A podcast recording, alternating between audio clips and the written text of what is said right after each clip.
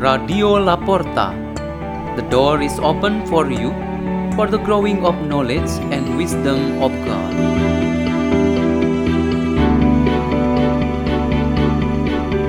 Delivered by Andrew and Marsha from the Church of Santa Maria Ratu in Block Q, Jakarta, Indonesia.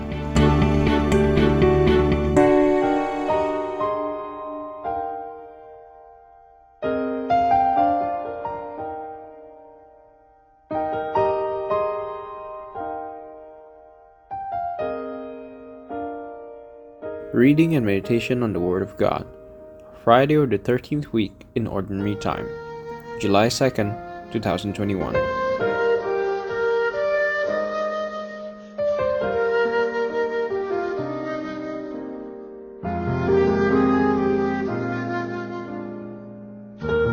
The reading is taken from the Holy Gospel according to Matthew.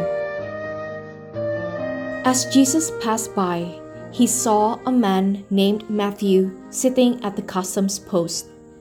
He said to him, Follow me. And he got up and followed him. While he was at a table in his house, many tax collectors and sinners came and sat with Jesus and his disciples. The Pharisees saw this and said to his disciples, Why does your teacher eat with tax collectors and sinners? He heard this and said, Those who are well do not need a physician, but the sick do. Go and learn the meaning of the words, I desire mercy, not sacrifice. I did not come to call the righteous, but sinners. The Gospel of the Lord.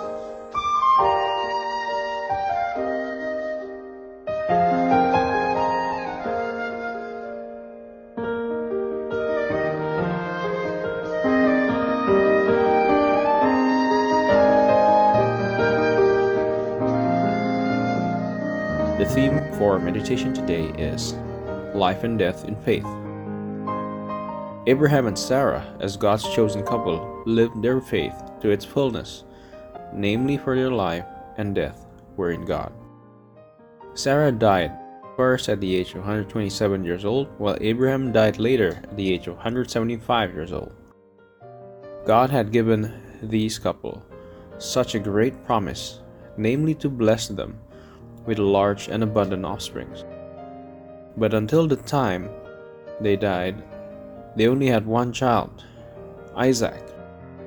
Sarah died without seeing Isaac getting married and having children. Abraham himself also did not have the chance to see all these promises come true. He only had a moment to see his two grandchildren, namely Jacob and Esau. They remained faithful to the end, but were not free from temptations. The fruits of their labor and faith seemed not an extraordinary one. Was this a sign of a failure in the faith? Of course not. We know well that Jesus always says to us from the Bible that the real faith and a life in the kingdom of God is like the size of a mustard seed. It may be so easy underestimated, but in proper time it will bear much fruits because it rests on the hand of the divine providence. What's so important for us should be about lively and constant growth in faith. Jesus himself died at the age of 33, and he had revealed himself as the Savior of the world. He had identified himself that way, truth and alive. But many people did not accept him. They rejected him. Even his disciples left him along the way of his passion story. However, this is not a failure of faith. All these should happen this way in order to fulfill the plan of the Father, which is to renew the world through the works of the Church in carrying out the mission of Jesus Christ. This church is a solid building of faith with Jesus Christ as the head and founded on the profession of faith of the apostles. Matthew, the tax collector, who was called by Jesus at a particular moment, and this approach really had provoked strong resistance from the people around him, seemed to be understood as a wrong strategy in bringing a sinful person to faith. Yet Matthew had proven to be one of the foundations of the church, and he is believed to have written one of the four Gospels. From all the examples about how small and simple human responses to God's great plan and promises, the most appropriate way to make us able to commit ourselves to God is to live and to die in such faith. This means that each of our calling is an important sign of faith. In that calling, there are work and responsibility that we carry as the covenant of our faith. The fruits of all our works are designed to signify our accountability of our faith in God. Therefore, let us not underestimate our calling, work, and the fruits of our labors.